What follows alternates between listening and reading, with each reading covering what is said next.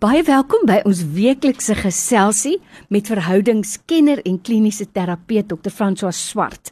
Onthou jy's welkom om ook vrae in te stuur. Stuur net vir my 'n WhatsApp na 084 66 14104 en dan gaan ons kyk of ons ook by jou vraag uitkom. En onthou die uiteindelike doel van ons geselsie is om jou te help om te kom by 'n punt waar jy sê ek kies lewe. Dokter Frans, vir jou tyd vandag weer baie dankie. Ons waardeer dit. Goeiemiddag al die luisteraars.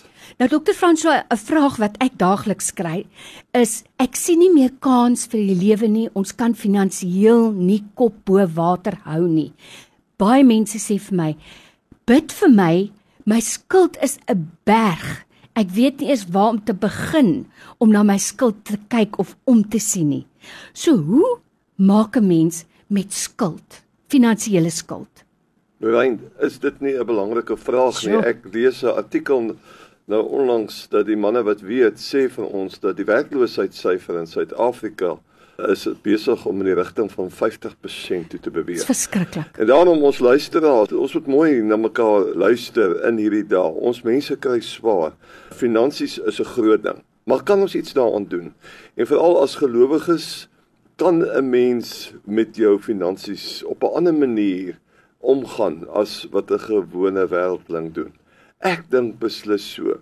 Ek dink die Here het vir ons 'n verstand gegee Die Here het vir ons 'n vermoë gegee, mense rondom ons wat goed opgestudeer is hoe om finansies op 'n goeie manier te hanteer. En ek dink die die die groot woord wat ons binne is 'n spirituele raamwerk kry, is die hele begrip van rentmeesterskap. Mm. Dis 'n groot woord miskien mm. vir die luisteraars. Maar dis om verantwoordelikheid self te neem en te sê ek weier om 'n slagoffer te word van my finansiële omstandighede. Man, kom ons praat daaroor. Dinge word duur by die winkel. Ons sukkel om ons ente bymekaar te hou. Ons kan nie geld altyd in die hande kry nie. En daaroor het ek en jy al baie gesels oor hoe kan 'n mens 3 of 4 geldstrome veroorsaak vir jou. Maar die heel eerste ding wat 'n mens moet doen, 'n mens moet werk met 'n begroting. Mm. Die begroting is geweldig belangrik. En 'n hoë begroting werk en nie almal van ons is lus altyd vir dit nie. Kry vir jou 'n stuk papier en trek 'n lyn in die middel van daai bladsy en aan die linkerkant skryf jy al jou uitgawes net neer. Dit is belangrik min of meer die bedrag en dan aan die regterkant skryf jy wat wil jy graag koop in hierdie maand wat voor lê. Ons gebruik die woord begroting daarvoor en hou al jou strokies waarmee jy koop. Sorg dat daar 'n uh, houertjie iewers in die voorhuis is en elke ding wat jy koop, hou daai strokie. Daai strokie help vir jou om aan die einde van die maand bietjie krities na jou begroting te kyk. Nou wat wonderlik is in daai hele oefening, as jy goed begin neerskryf, is dit wat hier binne in jou maag draai en die feit dat jy in die nagte 'n meter bokant jou bed slaap en hoe gaan ek my rekeninge betaal? Dit alles draai hier binne in jou mm. in jou kop. Ons praat in die terapie en pastoraat praat ons oor eksternalisering. Dit is amper soos wanneer jy naar word. Uh, dis nou nie 'n lekker metafoor nie, maar dit is 'n beeld wat ons luisteraars sal verstaan. Ons weet as jy siek word, en jy's na, is dit goed in 'n sekere sin dat jy na word want al die ou gaga kom uit en jy mm. voel beter daarna. Mm. In 'n sekere sin as jy al jou worstelinge met jou finansies uit jou gedagtewêreld uitkry en uit jou gemoed uitkry en jy sit dit op 'n papier, eh, het jy dit geëksternaliseer. En nou is dit hierdie ding hier voor jou en jy kyk daarna en jy begin krities kyk. En dan sê jy, maar het ek regtig hierdie ding nodig? kan ek nie hier dalk net 'n bietjie sny nie. Kan ek nie hier dalk dit eers volgende maand koop nie. By ander woorde, dit is baie belangrik. As dit kom dat jy so baie skuld het en dis hoekom jy nagmerries het, dan moet 'n mens begin hulp soek en ons praat van debt counselling. Jy moet na mense toe gaan wat vir jou beslis kan help. En ek wil hê die luisteraars moet mooi luister na hierdie een. Die probleem in jou eie gemoed is is dat ons is trots Mm. Uh, ons het 'n beeld wat ons wil opbou en ons wil voel dat ons is in beheer van ons eie geld sakies. En om na iemand toe te gaan te sê wie help my? Ek sukkel met my geld sake. dit is nie 'n lekker proses vir jou eie selfbeeld nie.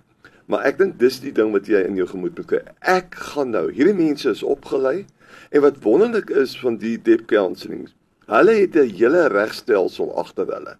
Sien nou maar jy het 'n klomp klere rekeninge.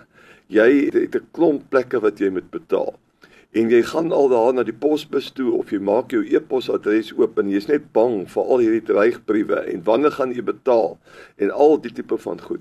Jy gee al daardie soort van briewe en aanmaninge en so aan. Gee jy vir hierdie persoon, hierdie debt counselor. En wat hulle doen is hulle vat die spanning dadelik van jou mm. weg. En hulle begin onderhandel met al jou skuldeisers en al die mense wat agter jou aan is dat jy moet betaal. En hulle kom ooreen met daardie persoon. Weet jy my kliënt uh, sukkel op die oomblik, daar's sekere omstandighede, maar hy of sy wil graag goeie rentmeester wees. Hulle wil hulle 'n uh, skulde betaal, maar dit is al wat hulle kan bekostig. En dan beding hierdie debt counselors dan namens jou 'n bedrag waarmee jy min of meer kan cope.